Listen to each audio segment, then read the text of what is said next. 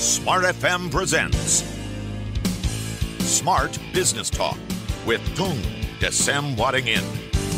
Smart Business Talk.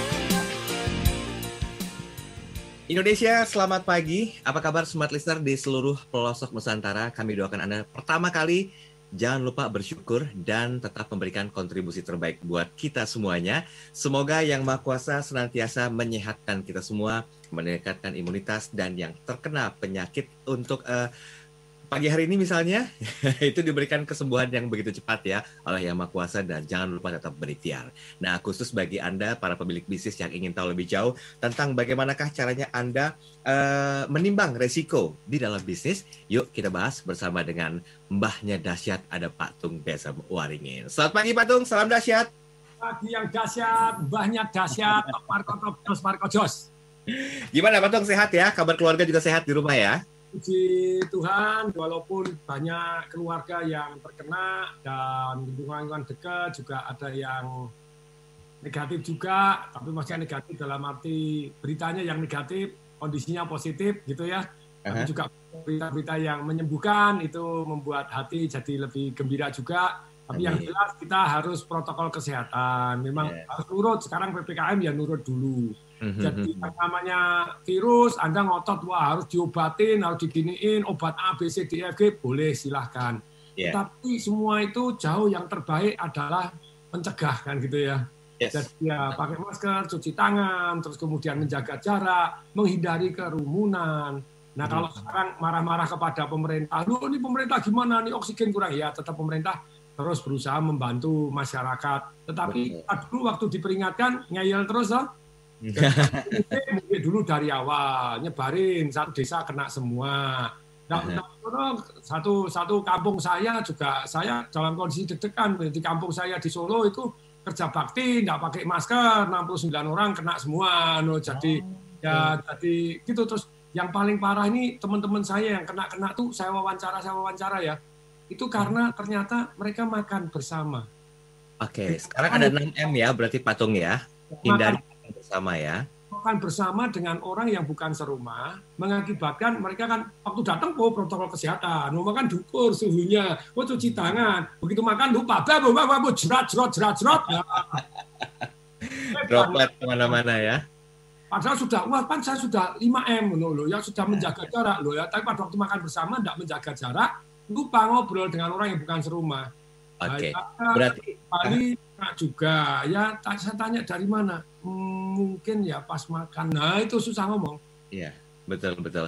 Berarti dalam semua aspek kehidupan tuh resiko pasti ada ya patung ya, walaupun nggak pernah bisa dihindari, tapi paling tidak ada mitigasinya resiko dan juga minimalkan resiko. Nah pagi hari ini kita akan coba bahas hal ini nih, listeners lebih detail lagi tentang gimana sih sebetulnya menimbang resiko di dalam bisnis. Kenapa kok harus menimbang sih? Kenapa kok tidak ada langkah-langkah lainnya? Nah, nanti kita akan coba bahas detail. Di sesi kedua ya Patung ya, tanggung. Kita break sebentar. Nanti kita sambung lagi di sesi kedua. Silakan untuk Anda, smart listener bisa berinteraksi. WhatsApp kami buka di line komunikasi 0812 11 12 959 atau Anda yang ingin melihat kami secara audio visual live di kanal YouTube, silakan search kanal YouTube Smart FM dan Anda juga bisa langsung berinteraksi di kolom chat yang sudah kami siapkan. Mbak Dasyat, sabar sebentar ya. Nanti lebih detail di sesi berikutnya. Tetap bersama kami. Smart Business Talk. Smart Business Talk. With Tung Desem Wadding In.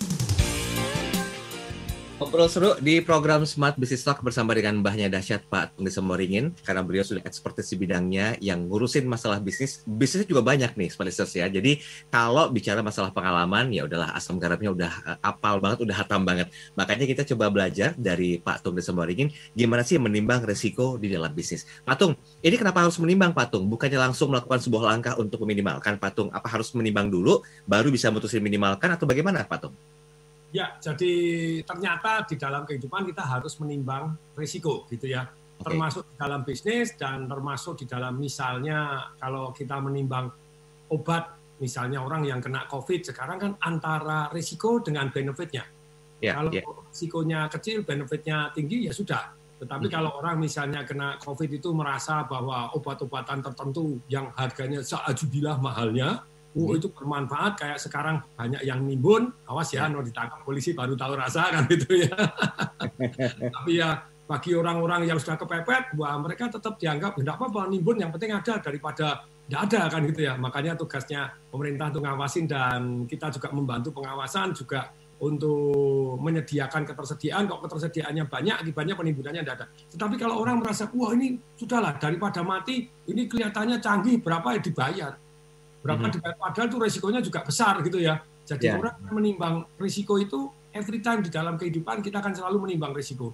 Cuma hmm. kiranya di dalam bisnis banyak yang nimbang aja tidak mau. Oke. Okay. Jadi karena tidak mau nimbang, satu jadi langsung bergerak karena ketakutan, hmm jadi menghindar. hmm Yang kedua karena tidak nimbang, ngambil keputusan yang berisiko mengakibatkan kehidupan keuangannya berantakan. Seperti yang saya dengar cerita satu orang di Singapura yang um, sudah umur 79, ya, ya. orang paling kaya, sudah naiknya mobilnya ya sudah Rolls Royce gitu ya, umur 79, berakhir triliunan, habis semua. Ya, habis ya. semua. Terus kemudian berakhir di penjara, rasanya kok enggak enak banget dan itu ya. Jadi ya. kenapa? Menurut saya karena dia merasa bahwa mendapatkan peluang.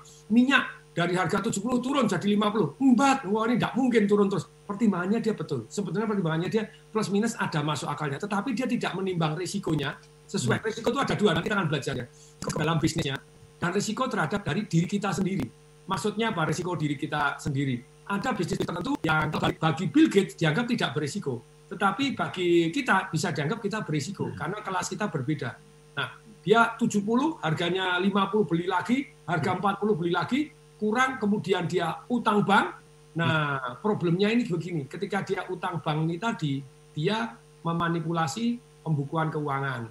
Dan ketika memanipulasi pembukuan keuangan, orang keuangannya pintar. Loh ini tidak bisa loh, mengaku untung orang kita rugi. Loh, supaya bisa untung, tidak apa-apa tanggung jawab. Ya, yang keuangan boleh tanggung jawab, kamu tanda tangan pribadi loh bahwa ini kamu keuangannya ini 100% atas permintaanmu. Jadi yang yang manipulasi kamu bukan bukan saya ini. Jadi yeah, yeah. saya tidak bisa sebagai anak buah dipaksa. Oke. Mm-hmm. sudah begitu nekat lagi turun lagi.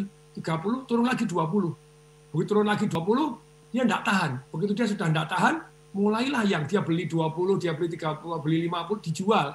Mm-hmm. dijual. Nah celaka. Harganya dua beli 50 jual 20 waktu berlalu betul sebetulnya naik sungguhan, naik jadi 50, naik jadi 70, wah sebetulnya naik gitu loh ya. Hmm. Naik, tapi kan dia sudah terlanjur jual. Artinya habis semua dalam arti utangnya terpaksa harus bayar, stoknya minyaknya sudah terlanjur dijual dengan harga 20, pada harga sekarang 70, sebenarnya dia total sama gitu. Tetapi karena dia sudah tidak tahan, jadi dalam bisnis itu sering kali begini, ingat kata-kata saya, tahan mana atau mana tahan? Kalau Anda sudah mana tahan, Anda goodbye. Kalau tahan mana nih, saya masih tahan. Banyak menangnya Anda gitu ya, sometimes gitu. Jadi saya di emas, di perak itu saya ya tahan mana gitu ya, saya tahan. Makanya sampai di broker saya, saya kan tidak boleh beli lagi. Oh. Karena saya beli tidak pernah dijual. Jadi tidak boleh, tidak boleh. Wah, ini sampai orang broker saya ngomong mohon maaf atau dari 100 orang yang uh, trading emas dan perak. Dia bilang trading emas dan perak. Nah, yang untung cuma satu pak. Tunggu saya bilang, eh saya bukan trading woi. Saya bukan spekulating saya bukan trading saya investing gitu ya. Dan saya aset alokasi. Jadi kalau kalau turun loh pak Tung masih pakai margin? Saya pakai margin. Margin saya satu banding dua saja tidak banding lima banding tiga ribu. Banyak orang yang forex satu banding tiga ribu. You die gitu. Anda anda harus hati-hati sekali. Lah inilah yang namanya manage risiko. Hari ini yang kita akan bahas. Entah anda mau di forex anda mau di bitcoin pada waktu Bitcoin wow, meledak tinggi-tinggi, saya bilang nih loh dalam sejarah Bitcoin bisa loh turun 80% itu bukan hanya sekali. Saya ngomong gitu, oh ini old mine, ini enggak, enggak loh, Anda baca dulu yang lengkap. Itu bagaimana memanage risiko, menimbang risiko ini, mhm. risiko bisnisnya, termasuk risiko kita. Ingat ya, risiko ada dua. Risiko di dalam bisnis, yang kedua adalah risiko untuk diri kita sendiri. Jadi bisnisnya bisa berisiko, tapi untuk kita enggak berisiko. Kayak tadi saya, peraknya mau turun mau gini, saya tidak berisiko karena mau margin uh, istilahnya uh, istilahnya margin call mau kena, saya tambahin lagi. Jadi kalau turun turun turun turun turun turun turun sampai bawah, lu saya tambahin, saya tambahin kan tidak pernah hilang. Lu hmm. pada akhirnya naik juga, lah ya naik juga. Begitu naik, saya marginnya satu banding dua. Jadi kalau kalah sekali, kalau menang dua kali, ini jadi turun beli turun beli turun beli. Oh, saya aset alokasi.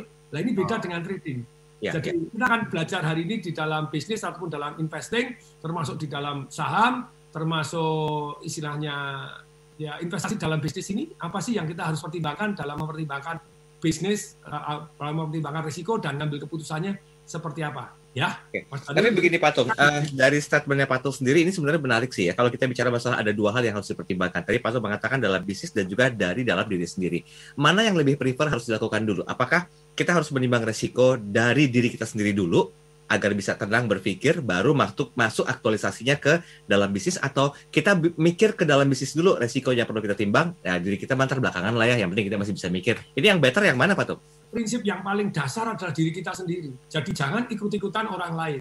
Oke okay, ya. Yeah. maksudnya jangan ikut-ikutan orang lain itu saya sering kali kalau investasi kalau apa. Contoh kemarin kan uh, saya mau mulai ngajar untuk program persiapan pensiun di pegadaian. Termasuk di Mandiri termasuk di Telkom Telkomsel kan gitu ya program ya. persiapan pensiunnya. Nah selalu kan saya bilang kamu pensiun punya duit berapa selama ini nabung? 500 juta. Nah, kan dia bilang 500 juta. Ya, ya. langsung kalau program persiapan pensiun yang lain kan itu apa ternak lele ya boleh belajar ternak lele. Terus kemudian apa ternak mutiara pergi ke Lombok banyak turnya sih prakteknya bakalan jarang. Kan gitu. kalau saya ini loh ada nih ada minimart ini ada ada franchise cafe ini ada ada franchise untuk laundry. Mari kita timbang risikonya kita nimbang. Terus kemudian wah ini kelihatannya paling aman nah, termasuk menguntungkan laundry pak. Ini termasuk ini dari sejarah dari ada angka-angkanya semua atau dari statistik di masa lampau. Tapi saya bilang wah buka berapa? 500 juta. Wah, Pak Tong, kalau gitu saya punya 5 juta, saya buka laundry aja. Saya bilang, no, no, no, no, no, no, no, enggak boleh. Anda nimbang risiko Anda sendiri. Anda tak hanya 500 juta, ini kelemahan para pensiun. Apa yang terjadi? 500 juta, dia dapat duit 500 juta, beli satu franchise, franchise-nya geletak. Jeblok, terus asetnya tinggal dijual-jual, tinggal 100 juta. Waduh, tobat lagi. Jadi ketika Anda sudah umur 50-an ke atas, 55 ke atas dimasukkan tahap aman, beda sekali dengan orang yang masih muda untuk memanage risikonya, menimbang risiko di dalam diri sendiri. Jadi nomor satu diri sendiri. Event laundry-nya aman, event mm-hmm. event event minimartnya oh, aman, event kafenya aman, misalnya begitu. Tentu amannya berbeda-beda. Seperti yang saya cerita tadi, obat semuanya efek samping masing-masing. Anda harus yeah. timbang, jangan ngawur kan gitu ya. Betul, betul. Lebih baik konsultasi sama dokter gitu ya. Hmm. Dokter jangan satu doang. Kalau satu doang sering kali pendapat dokter ya mohon maaf gitu ya jadi ada satu dokter dengan dokter yang lain juga berbeda makanya second opinion third opinion boleh nah demikian juga nimbang resiko selanjutnya tanya-tanya oh ternyata laundry lumayan aman sih pak ini gitu ya luput kita akan pindah tempat. Tapi kan tetap ini nah terus gimana? Saya punya 500 juta. Resiko yang bisa anda ambil berapa kalau anda sudah pensiunan? Menurut saya daripada 500 juta anda gebuk semua buka satu franchise terus kemudian tidak jalan you die gitu ya. Nah apa yang perlu dilakukan? Ya anda 50 juta dulu aja lah keroyokan bareng-bareng sama teman-teman. Oke, okay, okay. 50 juta, eh ternyata bagus Pak ini. Wah 33 persen income-nya, oh, ada 39 persen Pak ini bagus nih. Nah setelah 50 juta, mulai oh sudah mulai percaya diri kalau 50 juta sudah menghasilkan lumayan. Nah mhm. oke, okay, boleh nggak Anda kemudian buka lagi yang kedua 50 juta lagi boleh. Tapi kalau dari saya maksimum kalau Anda di dalam bisnis kalau sudah umur 55 ke atas ya 50 persen. 50 persen, 50 persen taruh yang aman dan menguntungkan. Sabar dulu sabar dulu. Ada yang tanya, itu 500 juta Pak. Kalau 250 juta sudah masuk ke laundry, lumayan satu tahun dapat 125 juta. Hmm. Kalau misalnya yang 50 persen atau 30 persen dapat 30 juta, dapat tambahan lumayan Pak, lumayan, lumayan. Misalnya kalau 10 persen atau 30 persen ya dapat 90 kalau 300 juta deh, misalnya 300 juta, Anda dapat 30 persen, ya 90 juta, eh, 30, 90 juta setahun, lumayan lah Pak untuk hidup, ya pas-pasan masih kurang. Nah, ya. tapi kalau nah saya duitnya cuma 100 juta, terus bagaimana saya pada waktu pensiun? Saya ajarin, ya mulailah bisnis tanpa risiko. Goblok. ya loh, apa itu no? Mohon maaf gitu ya. Ya jadi maklar. Anda properti, Anda belajar begini jadi ternyata ada loh bisnis-bisnis, mohon maaf kadang saya menggunakan kata-kata kasar, mohon maaf, sekali lagi mohon maaf. Kita Ini, maafin Pak. kan guyon, jeder, jeder gitu, oh ya ya ya. Lu ada toh bisa tanpa modal? Bisa. Anda jadi maklar, anda setor waktu, setor pengalaman, setor ilmu Anda, wong Anda sudah 55 tahun ya pasti pengalamannya luar biasa. Setor kepercayaan yang Anda bisa dipercaya. Nah, jadi sekali lagi kalau sudah 55 tahun duitnya tidak begitu banyak, jangan taruh semua makin geletak lagi. Lupa katanya bisnis itu kan harus berani mati Pak Tung. Ya mati sungguhan. Kalau mati sungguhan enak enggak? enggak enak lah. enak. Jadi memanage resiko di dalam diri sendiri itu masih satu yang namanya tergantung bukan tipe kita kalau orang yang umur 79 di Singapura itu tadi kan saya agresif, saya berani, utang bank berani, saya kaya karena itu kok. Nah, Mhm. terus kemudian yang terjadi, umur 79 tidak enak banget. Iya. Habis semua tuh. Jadi Anda tidak melakukan aset alokasi, tidak melakukan sesuai dengan umur. Sebenarnya kalau sudah umur 79, ya Anda tidak diharapkan ambil risiko terlalu besar.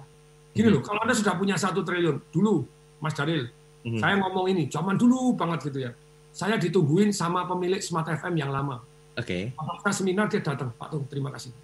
Kata-katanya, saya seminar ditungguin, keluar gitu Pak Tung, please dong Pak Tung. Saya hari ini pada waktu Pak Tung tadi talk show saya, ini terus story Pak, Mas Daniel boleh tanya sama pemilik yang lama. Ya, Iya. iya. saya ini ya, jadi benar kata-katanya Pak Tung. Kalau orang sudah punya, sudah umur ya, sudah umur, ya sudah umur. Sudah punya kekayaan tertentu. Misalnya kayak kayak dia, beliaunya, waktu itu umur 60 sekian, gitu ya, sekarang udah 70 sekian. Apalagi udah umur 70. Punya satu triliun, jadi dua triliun, ya tidak ada efeknya terhadap gaya hidupnya. Mau naik Rolls Royce bisa, mau naik private jet bisa, mau ke mana bisa. Tidak ada efeknya. Satu triliun jadi dua triliun, Anda tidak dianggap pinter. Ah, Satu triliun jadi dua triliun, Anda gaya hidupnya tetap sama. yes. Mau ya. makan ya sehari cuma tiga kali. Tetapi kalau satu triliun jadi nol, goblok setengah mati, dan kemudian gaya hidup Anda akan berubah luar biasa. Ya kayak Pasti, ya. di Singapura yang di, di bidang minyak ini tadi, 79, dari Rolls Royce naik kursi roda, dari dari punya mansion tinggalnya di penjara, lah kan tidak enak banget tuh. Iya, iya, iya. Anda sesuai dengan umur. Nanti kita belajar bagaimana menimbang risiko dan memanajemen risiko sesuai dengan umur kita, Mhm. itu dari dalam diri kita. Oke, kita tahan sebentar, kita break dulu ya Patung ya. Dan nanti kita kembali lebih detail di sesi yang berikutnya. Tetap bersama kami. Smart Business Talk. Smart Business Talk. With Tung Desem Wadingin. Ya, terima kasih Anda masih bersama kami dalam program Smart Business Talk bersama dengan Bahnya Dahsyat Pak Tung Desemboringin ya. Pak Tung, kita lanjut lagi menimbang resiko di dalam bisnis. Tadi Pak Tung jelas mengatakan yang harus jadi satu atensi utama itu adalah dari dalam diri sendiri. Saya coba menjabarkan lebih spesifik lagi Pak Tung. Biasanya banyak orang yang ketika mendapatkan sebuah kenikmatan dalam aktivitas bisnis misalnya atau eh, aktivitas-aktivitas networking lainnya, itu secara psikologis ada greedy yang timbul. Nah, belajar dari pengalaman Pak Tung sendiri, gimana kira-kira? Karena ini poin nomor satu nih, kalau kita nggak bisa manage psikologinya, otomatis bisnis akan berantakan, saking greedy-nya gitu loh Pak Tung. Karena kan di trading juga begitu kan pastinya Pak Tungnya. Nah, dalam konsep bisnis, sama nggak kira-kira untuk bisa lebih memahami dan memanage eh, psikologis kita selaku pelaku bisnis, Pak Tung? Betul. Kan kita menimbang dari berapa yang rela. Seringkali pada waktu di Bitcoin, pada waktu di Instagram saya ya, Tung Ya. di semangin.tdw pada waktu meledak turun 8%, ada yang nanya, Pak Tung, jadi investasi di Bitcoin. Kalau saya, saya tidak saya anggap itu investasi. Even Elon Musk Anda cari di YouTube. Elon Musk yang pom-pomnya untuk Bitcoin, eh, lupa Tung itu kan orang hebat, betul orang hebat untuk segalanya, tapi kalau di bidang Bitcoin lebih ke pom-pom gitu ya. Ya. Terus kemudian dia juga mengatakan kok, bagi saya Bitcoin ya masih masih termasuk yang namanya spekulasi. Dia bilang gitu, itu ada videonya gitu. Tidak tahu kalau dia berubah pendapat, mungkin juga dia berubah. Tapi sekali lagi, nah ini loh, kan kita nimbang risiko kita sendiri. Pada waktu boleh nggak Pak Tung investasi di Bitcoin? Saya bilang boleh. Kayak hari ini, forex boleh nggak? Ya, boleh aja, silahkan. Walaupun saya nggak begitu suka, saya eh, forex saya nggak suka begitu ya, karena ada win, ada somebody lose. Di saham bisa win-win semuanya. Kalau di karena jadi saya ulangi lagi nih, boleh nggak investasi di Bitcoin? Ini menimbang risiko bisnis toh. Wah ini bisnis, dianggap bisnis toh. Menurut saya masih spekulasi. Saya bilang boleh. Kalau dari saya maksimal 10% dari kekayaan Anda. Setelah 10% dari kekayaan Anda, begitu harganya naik, take profit dulu. Modalnya diambil dulu. Setelah itu, setelah itu setiap naik naik naik naik naik harganya misalnya 20%, ambil 10%. Naik 50% seketika, ambil 25%. Ulangi. Investasi 10% atau yang kalau Anda kena Anda tidak bunuh diri. Oke. Pak Tung, lah kekayaan saya ini kan saya masih muda. Oke, kan tergantung umur satu. Nanti kita akan belajar tergantung umur. Kemudian yang kedua, selain tergantung umur, tergantung dari kemampuan kita menerima risiko tadi. If something happen, Anda bunuh diri atau enggak? Ya. Jadi walaupun Anda sudah umur 70, Anda kemampuan mengambil risikonya cukup tinggi atau Anda termasuk agresif, Anda tidak bunuh diri, tapi hidup Anda kan tidak enak banget. Jadi kemampuan dan kemauan Anda mengambil risiko gitu ya.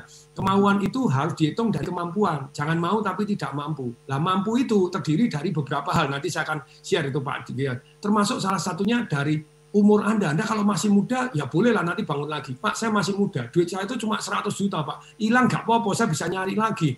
Jadi jeblok nggak apa-apa. Lah kalau Anda bilang jeblok nggak apa-apa, nggak bunuh diri ya silahkan lanjutkan. Tapi kalau dari saya, kalau bisa maksimal 10% lah dari harta kekayaan. Pak Tung saya masih muda, kekayaannya cuma 100 juta, kapan gulungnya? Boleh nggak? Boleh, tapi Anda sudah tahu resikonya loh. Karena Anda namanya nimbang risiko itu kan anda harus tahu apa yang namanya risiko atau yang namanya berisiko. Oke, saya ulangi lagi ya. Nanti kita akan bahas risiko dan berisiko. Kalau ya. masih ada waktu ini, lihat jam terus. Aduh, ngomong sama Pak Tuh gak kerasa lewat waktunya. Maksimal 10% atau kalau kena kamu tidak bunuh diri. Gitu kan ya? Artinya kami Anda harus siap sejati, Anda tulis bahwa ini ada bisa-bisa anjlok tidak karuan. Oke, kemudian yang ke kedua, ya. kedua Anda begini, begitu profit, begitu profit, secepat mungkin balik modal anda naik sih diambil, naik sih diambil, naik sih diambil supaya cepat mungkin balik modal. Setelah balik modal, yang ketiga, begitu naik berapa, separuh diambil, separuh digulungkan, separuh berapa, semuanya digulungkan. Mhm. Nah, ini baru akan berkembang. Walaupun Anda misalnya Pak, saya ini uh, masih muda, masih miskin Pak, kekayaannya belum belum ada 100 juta Pak. Ketika mhm. invest di Bitcoin atau di Forex atau terserah yang Anda anggap invest, sering kali saya anggap uh, namanya spekulasi kan gitu ya. ya, ya. Uh, anda apa yang terjadi? Begitu untung ambil, untung ambil ambil sudah balik 100% baru digulung dan digulungnya separuh. Nah ini jurus yang menurut saya lebih masuk akal daripada Anda eh 100 eh, juta untung anda gadekan rumah orang tua Anda, Anda gadekan rumah mertua Anda padahal Anda belum punya rumah, Anda cemplungkan semua di Bitcoin, Anda cemplungkan semua di Forex, ketika jeblok hilang, tamat riwayat. Selesai. Ada yang ngomong gini Pak, Mas Daril, saat kan diajak kerjasama di Forex, forex di multi level kan dan kemudian pakai robot. Nah kemudian saya itu forex nggak begitu senang. Robot ini saya oke okay kalau anda pakai pribadi, kalau pakai rame-rame nanti ketahuan gitu ya. Terus yang ketiga di multi level, saya multi level saya sangat senang sangat mengajukan orang bergabung di multi level. Tetapi ketika kombinasi forex, robot dan multi level, sejauh saya mata memandang kombinasinya letal, mematikan gitu ya. Tuh. Ada yang bagus sekali. Saya saya itu selalu open mind. Nah ini open mind untuk menimbang risiko. How know that you are right? Maksudnya yeah. bagaimana Anda bisa tahu bahwa Anda benar sih? Jadi hmm. ketika pembesarnya datang, kemudian yang ahli aplikasinya datang, saya dengan senang hati, patung di, di, di ini Zoom meeting dijelaskan, saya dengan senang hati. Satu hari ada dari Singapura menjelaskan saya, oh Pak Tung ini gini-gini nih, bisa untung, ini minim-minim 10% sebulan. Oke, saya masukkan dalam program perhitungan bunga berbunga saya. Pak Diki bisa masukkan, coba perhatikan. Ini salah satu menghitung. Jadi Pak Diki siap ya, jadi ini program perhitungan bunga berduang, Mas Daril kasih Pak Diki untuk supaya bisa Zoom. Nah, ternyata dia kan baru umur 30-an. Saya bilang, kalau kamu bisa untung bisa untung 10% sebulan, perhatikan ya. Kamu seumuran Warren Buffett, umur 88, kamu taruh 1000 dolar, istilahnya mendapatkan hasil 10% dan digulung, jadi berapa? Mari kita hitung. 70 juta triliun triliun US dollar. Pak Diki tolong layarnya, tolong layarnya bisa Pak Diki dibuat dibiarkan dia bisa share Pak Dikinya supaya bisa share saya saya kasihkan nah, ini ya. ya ini ini tolong Pak Diki tolong dimasukkan. Umurnya 30 nah, ya umurnya 30 hasilnya 120 persen setahun nah, umur 88 umur 88 kan Warren Buffett umur 88 toh. 120 persen pajaknya sementara nol berapa uang anda? 1000 dolar saja. Eh, oh 64 ini ini. Oh ternyata sebentar ini. Uh, miliar miliar triliun toh. Uh, kalau kalau kalau nolnya nolnya perhatikan ini teman-teman nolnya uh, nolnya 12 kan triliun, ini triliun, ini, ini ini miliar lagi, ini triliun. Nah ini 64 juta triliun triliun. Mau dia enggak? Uang sedunia habis atau enggak? ada, ada orang yang pengen ada orang yang punya goal. Pak, goal saya adalah pengen punya uang satu juta triliun. Ya oke, okay. kalau mata uang Zimbabwe boleh atau kalau Indonesia kena inflasi seperti Zimbabwe boleh. Nah, hmm. tapi kalau Anda enggak ya uang sak dunia bisa jadi habis. Ini 64 juta triliun triliun habis enggak sih? Habis. Habis. Nah, kemudian kemudian nah memang memang memang memang Anda harus hati-hati ini. Ini perhatiin teman-teman. Ini ini penting sekali. Jadi mungkin Pak jangka pendek, maksudnya jangka jangka jangka pendek. Mungkin eh, boleh nggak kalau saya terserah Anda, tapi saran saya, Bu Pak ini forex bagus. Ini terbukti loh Pak, saya 8 bulan duit saya segini jadi segini. Nice. Nah, pertanyaannya ini, loh Pak, ini langsung loh Pak ke ke ke brokernya, loh pertanyaannya ada nggak yang kemarin forex jam 2 pagi diambil habis semua gitu ya? Jadi hmm. ribuan orang ambil. Gini loh. Jadi ada tiga orang ngambil keuntungan di dalam forex hmm. ataupun jual beli tadi. Bandarnya kan gitu ya. Fund hmm. manajernya. Satu dari apa? Dari jual beli dia dapat komisi. Yang kedua dia dapat komisi dari investornya. Investor begini dia bisa sekian persen, sekian persen dari investor. Kalau tadi kan dari brokernya. Hmm, hmm, Wangi ya. Jadi ada keuntungan itu tiga. Kalau saya salah tolong didalat. Satu yang namanya fund manager ngumpulin duit kemudian untuk di forex oh, dengan pakai robotnya dia atau pakai ilmunya dia kan begitu ya. Satu untungnya dapat komisi dari brokernya. Jadi setiap jual beli dia dapat uh, brokernya. Nah ini berat kalau ini kan dia dapat untung bukan karena anda untung gitu ya. Iya, iya. Karena karena dapat komisi jual beli, you know, jual beli jual beli aja. Yang kedua dapat komisi karena apa? Tadi yang saya jelaskan, yang dapat komisi dari untungnya dari mana nih teman-teman? Dapat komisi dari fee yang diambil dari customernya. Oh, oke. masuk Oh, dapat ya. 0,25 sampai 5 persen customer, dapat duitnya dari customer. Boleh nggak dua-dua? Boleh. Dari brokernya dapat, dari customernya dapat Anda invest. Yang ketiga dapat dari mana? Ini. Ketika dari margin uh, gap down-nya, lah itu. Nah ini yang ketiga yang susah nih, ngerjain. Ketika duit Anda hilang, uh, fund manager-nya dapat. no. Dari broker, kong kali kong tanda kutip ini yang yang yang negatif. Ya, jadi hati-hati seperti itu gitu ya. Nah, pertanyaan sekarang, banyak orang forex, ini untung 10%, 10%, 10%. Kalau saya bilang, kalau robot Anda pakai sendiri, digunakan untuk nitilin, secara masuk akal masih masuk akal.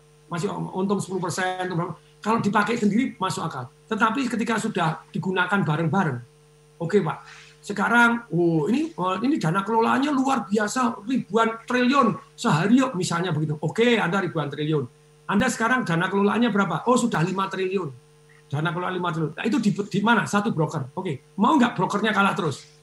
Nggak mau lah. Nggak mau. Oh, enggak, Pak. Kalau broker itu kan bisa dilempar. Oh ya, dengan robot Anda secepat itu, dia bisa ikut dengan robot. Oh iya, Pak, dia bisa pakai robot kita juga pasang ke broker yang lebih gede. Oke, nice. Silahkan. Dianggap brokernya tidak menjadi bandar. Kalau broker jadi bandar itu Anda transaksi di tempatnya broker. Saya ulangi pelan-pelan kalau yang belum paham ya. Ya. Banyak orang yang di forex itu kalau transaksi kan di broker. Broker itu either dia telan sendiri, kalah menang kalau kalah anda kalah dia yang dapat untung kalau menang nih pertanyaan broker mau kalah nggak Ya nggak dong. nggak maunya menang terus nah oke ternyata ternyata kalah terus karena uh, program saya software saya top marco top nah Mhm. terus either anda dihentikan di broker tersebut atau brokernya pakai program anda keluar kepada broker yang lebih tinggi betul nggak Untuk nyedot keuntungan ya. Ya, oke. Tapi pertanyaan saya, ketika ketika pasang ke akhirnya, Anda mungkin kalau kecil nggak dilirik. Anda menang berapa itu di, di bandar juga nggak dilirik. Ah ya, oke, oke, oke. Begitu, wis, kerjakan bareng-bareng. Anda punya satu triliun, padahal dia cuma kapasitasnya dia satu hari transaksi cuma 5 triliun. Anda satu hari transaksinya sudah satu triliun, untung 10 persen, 10 persen. Mau nggak dia digerogoti gitu? Nggak mau. Nggak mau. Apakah bisa pasang ke ke, ke, ke, ke yang lebih tinggi? Belum tentu bisa. Kalau kita anggap bisa deh, dengan pakai robot Anda, dia juga pasang ke broker yang lebih gede. Kira-kira broker yang lebih gede kalah terus mau nggak? Nggak mau juga. Nah, alternatifnya ada beberapa. Satu, Anda dikerjain, uh, robot dibalas dengan robot. Loh, Ya. sebetulnya ngerjain robot itu gampang. Dibuat telat 15 detik, robot Anda dimatikan. Hmm, halo. Kemudian pertanyaannya, broker boleh menentukan harga nggak? Boleh. Boleh. Kalau broker menentukan harga, bisa nggak dia buka skema harga yang berbeda? Boleh aja. Oh enggak Pak, robot saya tuh keren Pak. Kalah dua kali langsung off. Ya, Oke, dan ada yang stop loss order, stop loss order sekian nggak bisa rugi. Oke, nah itu. Anda dikalah-kalahkan terus sampai akhirnya Anda nggak mau main di broker tersebut, betul kan? Atau kita break sebentar ya, tanggung ya. Ini lagi seru. Nanti biar biar nggak keputus di sesi terakhir ya. Ya, ya. Oke, baik. Smart Listeners, ada jangan ke mana-mana, kami akan segera kembali. Smart Business Talk. Smart Business Talk with Tony Desam Waddingin. Smart Business Talk. Smart Business Talk with Tung Desam Waddingin.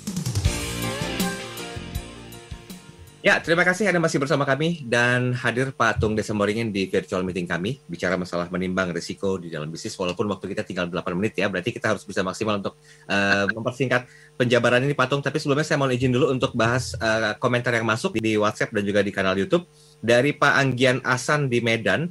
Memanage resiko dalam bisnis sangat diperlukan Pak Tung agar bisnis nggak sampai merugikan di masa depan. Nah, namun jangan sampai memanage resikonya membuat kita pesimistis akan keberhasilan dari bisnis. Oke, nanti kita minta masukannya Pak Tung. Kemudian dari kanal YouTube ini ada Pak Ahmad Imtat Nawawi. Eh, beliau bertanya, bagaimana jika kita berinvestasi selama beberapa tahun, tapi setelah kita evaluasi hasilnya gitu-gitu aja Pak Tung. Apa yang harus kita lakukan? Oke, silakan. Komentarnya disikapi, pertanyaan dijawab. Monggo Pak Tung. Ulangin, ulangin Pak. Jadi yang terakhir Pak. Yang terakhir, oke kita lihat. Yang terakhir Pak Imtat menanyakan bagaimana jikalau kita berinvestasi selama beberapa tahun, tapi setelah kita evaluasi hasilnya tuh gitu-gitu aja Pak Tung. Apa yang harus kita lakukan? Ya kalau saya kan ada beberapa di bisnis saya ada tiga macam kan begitu ya. Saya tutup, saya pindah ganti bisnis baru itu ya. Yang kedua saya gelitain, saya ngurusin bisnis yang baru yang lebih menguntungkan. Yang ketiga saya jual. Nah ini toh termasuk saya punya radio pernah dulu ya saya jual juga gitu akhirnya gitu ya. Tapi ada yang ada yang tambang pada waktunya saya merasa bahwa uh, terlalu banyak lika-liku yang saya harus uh, perhatikan dan saya tidak bisa tidak punya waktu tidak kepingin untuk melanjutkan di bidang itu ya saya jual gitu. Either Anda jual, Anda tutup atau Anda gelitain ya sudah tidak diurus, tidak ditutup, tidak diapa-apain ya biasa aja. Ya sudah gitu aja gitu ya. Jadi tiga aja gitu ya.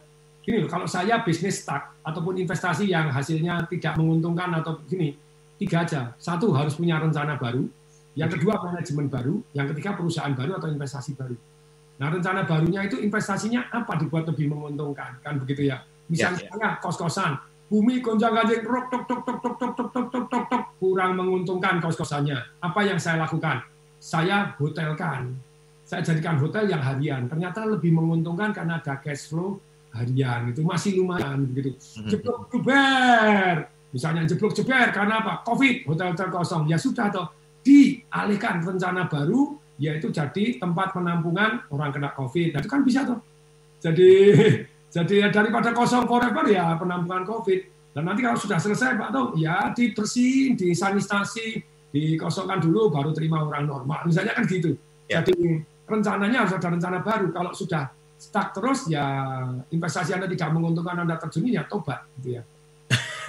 ya tobat. Pak Tung, tersisa 6 menit loh. Kita habiskan tentang menimbang risiko. Ah, ini. Silakan. Yes, teman-teman. Jadi jadi 6 menit saya akan share gitu semaksimal mungkin saya yang bisa. Tapi ya, Anda ya. mau belajar tentang manage risiko, ikutlah, ikut bisnis revolution saya, ikut financial revolution saya, seminar-seminar saya yang sekarang ini karena edisi pandemi dan COVID kita ya sudahlah amal-amal untuk teman-teman gitu 149 ribu untuk tiga hari itu rodok gila begitu. Nah ini Pak Diki, Pak Pak anu Kak Yuli apa yang ikut saya pagi hari silahkan di share jadi Nanti mau telepon di nomor berapa? 0813 kali 63873. Silahkan ya. 08111 081-nya 3 kali 63873. Ayo catat masukkan handphone Anda hubungi ya 08111 081-nya 3 kali 63873. Dan sekali lagi uang yang Anda masukkan tadi itu 100% jadi itu kita amalkan gitu ya untuk membantu orang-orang yang sakit COVID. Ini kan saya sekarang kalau orang sakit COVID, apa WA saya saya kirimin, saya kirimin VCO yang menurut UGM sudah menyembuhkan gitu ya, bukan menyembuhkan, membantu penyembuhan, mengurangi dedimer, penggumpalan darah.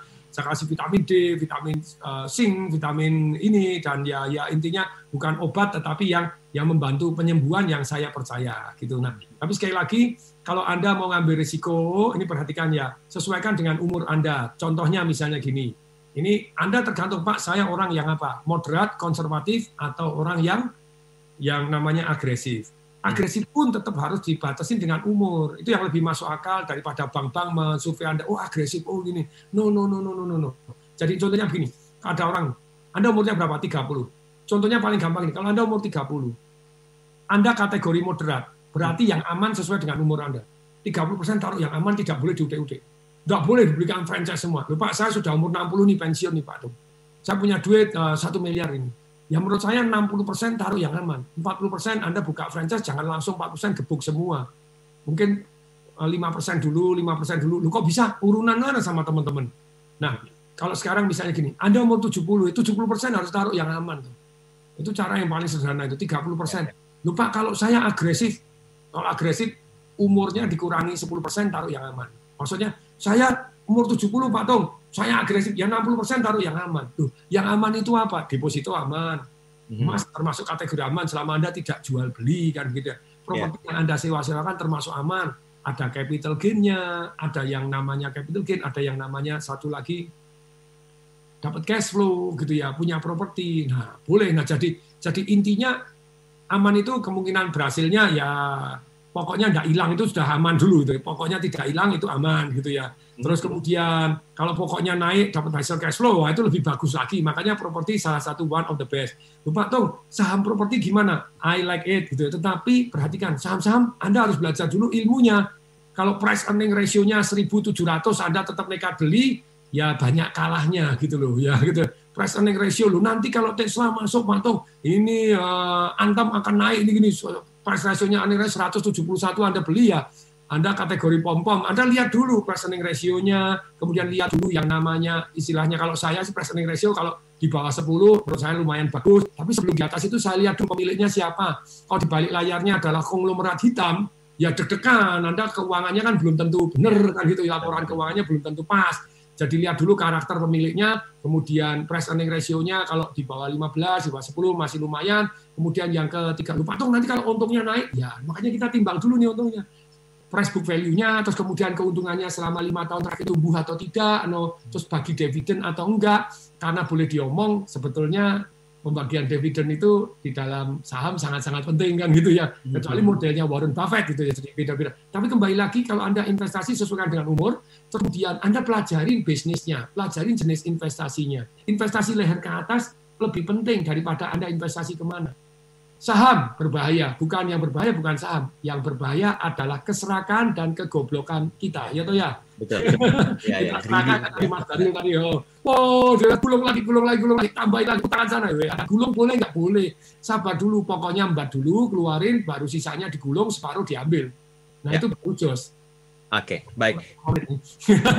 closing. Kita kita closing Tom. Jadi semoga apa yang disampaikan tentang menimbang resiko dalam bisnis ini uh, bisa bermanfaat ya. Tapi memang belum maksimal patutnya karena waktunya sangat terbatas. Nah, untuk itu smart listeners yang ingin tahu lebih jauh tentang program-program pembelajaran yang diselenggarakan oleh Pak Tum Semoring dan juga timnya, silakan hubungi 0813 kali 63873 ya Pak Tum ya. Ya, betul. 0813 kali. Yes 63873 Anda patung ada nggak seminar yang gratis-gratis? Nanti hari Anda tanya yang gratis ada juga. Patung ada nggak yang tadi bayar tapi disumbangkan tuh loh patung? Kalau ada keuntungan 100% disumbangkan hmm. untuk membantu teman-teman yang COVID ini yang meledak luar biasa untuk pencegahan untuk meningkatkan imun sistem ada nih. Hmm. tanya Kak Yuli tanya Pak Diki ini sudah berapa ratus paket saya kirim? Ya nothing lah dibanding ini tapi so far so good. Nah karena saya pakai riset-riset pakai penelitian-penelitian yang didukung oleh secara ilmiah itu levelnya berapa evidence-nya ada hmm. termasuk VCO itu kan level evidence-nya sudah tinggi itu. Jadi ya, dua satu yang dari UGM dari itu benar-benar mengurangi dedimer mematikan virus menyembuhkan orang. Ya oke okay lah gitu loh ya. Jadi hmm. sangat-sangat membantu penyembuhan itu penelitian dari UGM dan empat yes, rumah sakit di uh, Jogja. Nah itu saya kirimin gratis kepada anda. Tapi tapi itu disumbangkan. Nah jadi teman-teman please deh risiko ditimbang sesuai dengan umur Anda, kemudian jenis bisnisnya. Secara umum saham dengan properti, properti lebih aman. Tapi apakah semua properti aman? Belum tentu. Nah ini ya. Anda nih mau financial revolution juga ada nih, jadi jadi TDW resource ini, jadi Anda bisa nih, jadi tapi sekali lagi ya teman-teman, yes, oke. Okay. Jadi Mas Adam silakan. Kalau saya sih tahan sampai tiga tahun, eh tiga tahun. kita masih ada program lagi ke depan Patung ya. Tapi terima kasih banyak Patung, sehat-sehat selalu dan semoga apa yang disampaikan ini bisa mendapatkan banyak sekali insight dan juga inspirasi dalam berbisnis bahwa menimbang resiko itu yang pertama adalah dari diri kita sendiri baru aktualisasi ke dalam bisnis kita sendiri. Terima kasih untuk Anda sponsor. Saya Daril Adam. Dan Kong Maringin. Salam dahsyat. That was Smart Business Talk with Tung Desem Wadding In. Brought to you by Smart FM Network.